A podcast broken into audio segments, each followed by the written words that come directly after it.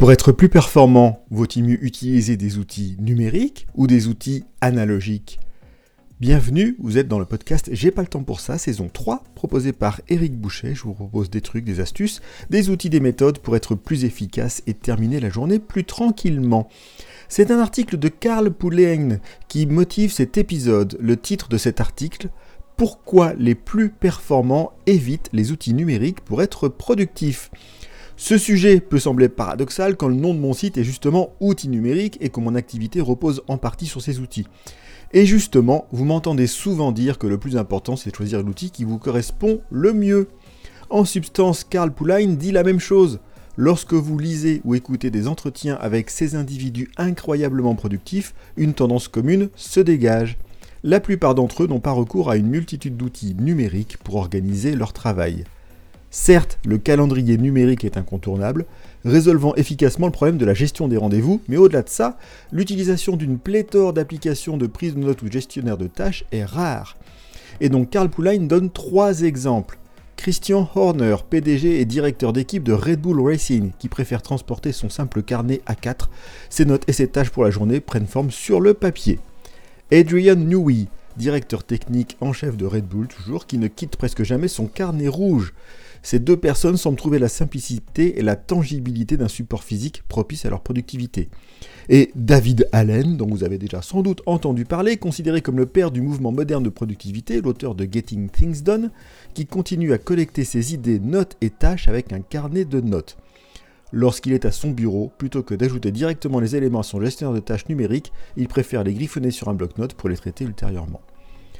La question que se pose alors Carpooline est la suivante. Pourquoi cette préférence marquée pour des outils analogiques dans un monde numérique?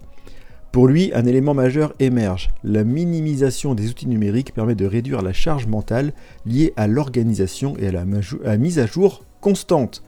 Moins d'options signifie moins de décisions à prendre sur où ranger quelque chose et sur quel outil utiliser pour une tâche spécifique. Et il cite son expérience personnelle en écrivant l'article auquel je fais référence. Au lieu de perdre son temps à réfléchir à l'endroit où il devait écrire, il a simplement ouvert Ulysse, son logiciel d'écriture de prédilection depuis 8 ans.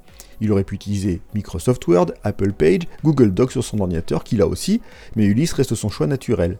Cette familiarité et cette constance dans l'utilisation se traduisent par une efficacité accrue, évitant ainsi l'apprentissage de nouveaux outils pour un gain marginal. La réticence à adopter de nouveaux outils numériques par ses personnalités accomplies repose également sur le coût en temps associé.